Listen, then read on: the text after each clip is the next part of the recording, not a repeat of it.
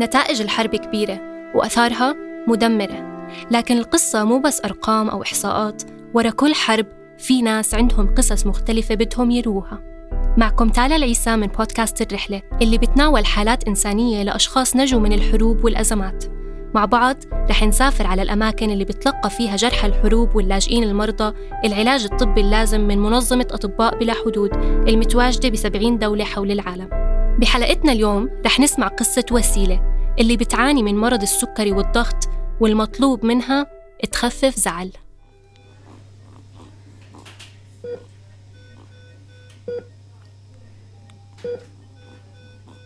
عرفت يوم إنه مرضت. كان مرتفع مع السكر والضغط سوا وأنا ما بدري عن حالي. ويوم قعدت وأنا بنتي بتقول لي ما تمك معي قلت لها بدري ولا في شيء بس طبعا ماني قادرة أحكي يعني صوتي ما في. يعني مثل بتعلم الحكي جديد ما بقدرش احكي ضليتني يومين والنهار الثالث جابوني على المشفى وصابني هيك جلطة جلطة دماغية. وتوقفت إيدي وإجري اليسار. وسيلة أبا زيد لاجئة سورية من درعا لجأت للرمثة شمال الأردن قبل ثلاث سنوات. كانت تعاني من مرض السكري قبل الحرب ولكن الضغط ما ارتفع معها غير مؤخرا.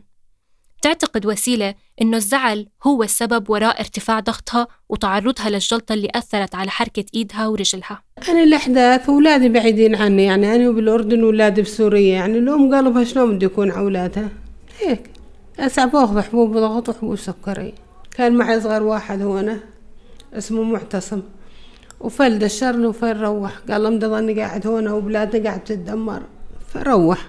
حاليا وسيلة عم تتعالج في عيادة منظمة أطباء بلا حدود للأمراض غير السارية في الرمثة.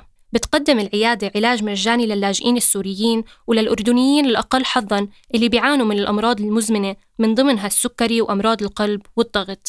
في وقت الحرب قد لا تصنف الأمراض المزمنة ضمن الحالات الطارئة مقارنة بالأمراض المعدية والإصابات الجسدية اللي بتتطلب معالجة فورية.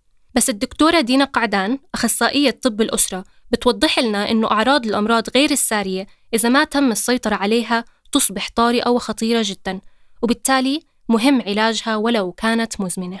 هلا الأمراض هاي مهمة كمان. مشاكل قلبية تقتل مش إنه يعني مزمن عنده مثلا انسداد بالشرايين فنترك المريض لازم يتعالجوا. مضاعفات الضغط والسكري برضو تعتبر قاتلة تأتي الأمراض غير السارية أو المزمنة في مقدمة الأسباب الرئيسية للوفاة في العالم. في 2015 أدت هاي الأمراض لوفاة 40 مليون شخص يعني 70% من مجموع الوفيات. ويبدو أنه في علاقة مترابطة بين هذا النوع من الأمراض والفقر لأنه 80% من المرضى متواجدين بالبلدان متوسطة ومنخفضة الدخل. قد لا تكون الحرب المسبب الأساسي لظهور الأمراض غير السارية. ولكن بحسب الدكتورة دينا يوجد علاقة مترابطة بين هذا النوع من الأمراض والتوتر النفسي الناتج عن الحرب واللجوء.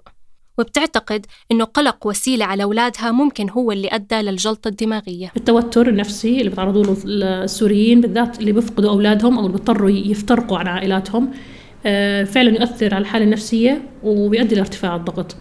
ممكن في ناس متقبلة إن أولادها هناك لكن بصير أي مشكلة في درعا خاصة الفترة الماضية. لما يصير يسمعوا صوت الضرب وهم سامعينه هم هون المرضى. بصير يعني تفكيرهم عند أولادهم وبيرتفع ضغطهم حتى لو باخذوا الجرعة الكاملة من الدواء اللي كانت قبل مستقرة أمورهم عليه مع التوتر صارت الدواء أكثر كافي. سترتفع قراءات الضغط. السيطرة على الأمراض غير السارية بتطلب من المريض متابعة المسببات الرئيسية واللي بتتعلق بنوعية الأكل والدخان. وتغيير السلوك كثير صعب خاصة المرضى فاقدين وطنهم فاقدين أولادهم. آه، صعب تحكي له حتى الصحة تكونش في باله. يعني في سيدات اللي شافوا أولادهم بيموتوا أمامهم تحكي لها على السكر والضغط؟ يعني هي أصلا مش سائلة. فكثير من نعاني من هاي الشغلة. إضافة إلى تخفيف الحلو والمالح مطلوب من وسيلة إنها تخفف زعل. الأكل نسبة إلها مقدور عليه ولكن الزعل صعب التخلص منه رغم محاولتها. صراحة يعني الواحد يحكي. أنا مرات يوم بيجوا عبالي أولادي اللي بسوريا يعني بزعل كثير برتفع مع الضغط والسكري حتى. والله إذا بزعل كثير كثير ببكي صراحة يعني. يعني ببكي ببكي مش شوي يعني بفضي كل الشحنة اللي عندي. بفضيها وخلص بتروح. تجي لي شحنة ثانية. والحمد لله. كنت معكم من الإعداد والتقديم تالا العيسى من الهندسة الصوتية محمد حجازي وأندوني حنا. البرنامج من إنتاج مجلة حبر الإلكترونية ومنصة صوت المعنية بتوفير مساحة صوتية من وإلى العالم العربي بالشراكة مع منظمة أطباء بلا حدود. تابعونا على الفيسبوك تويتر وإنستغرام لتعرفوا أكثر عن الحلقات القادمة. رح تلاقوا الروابط بالدسكربشن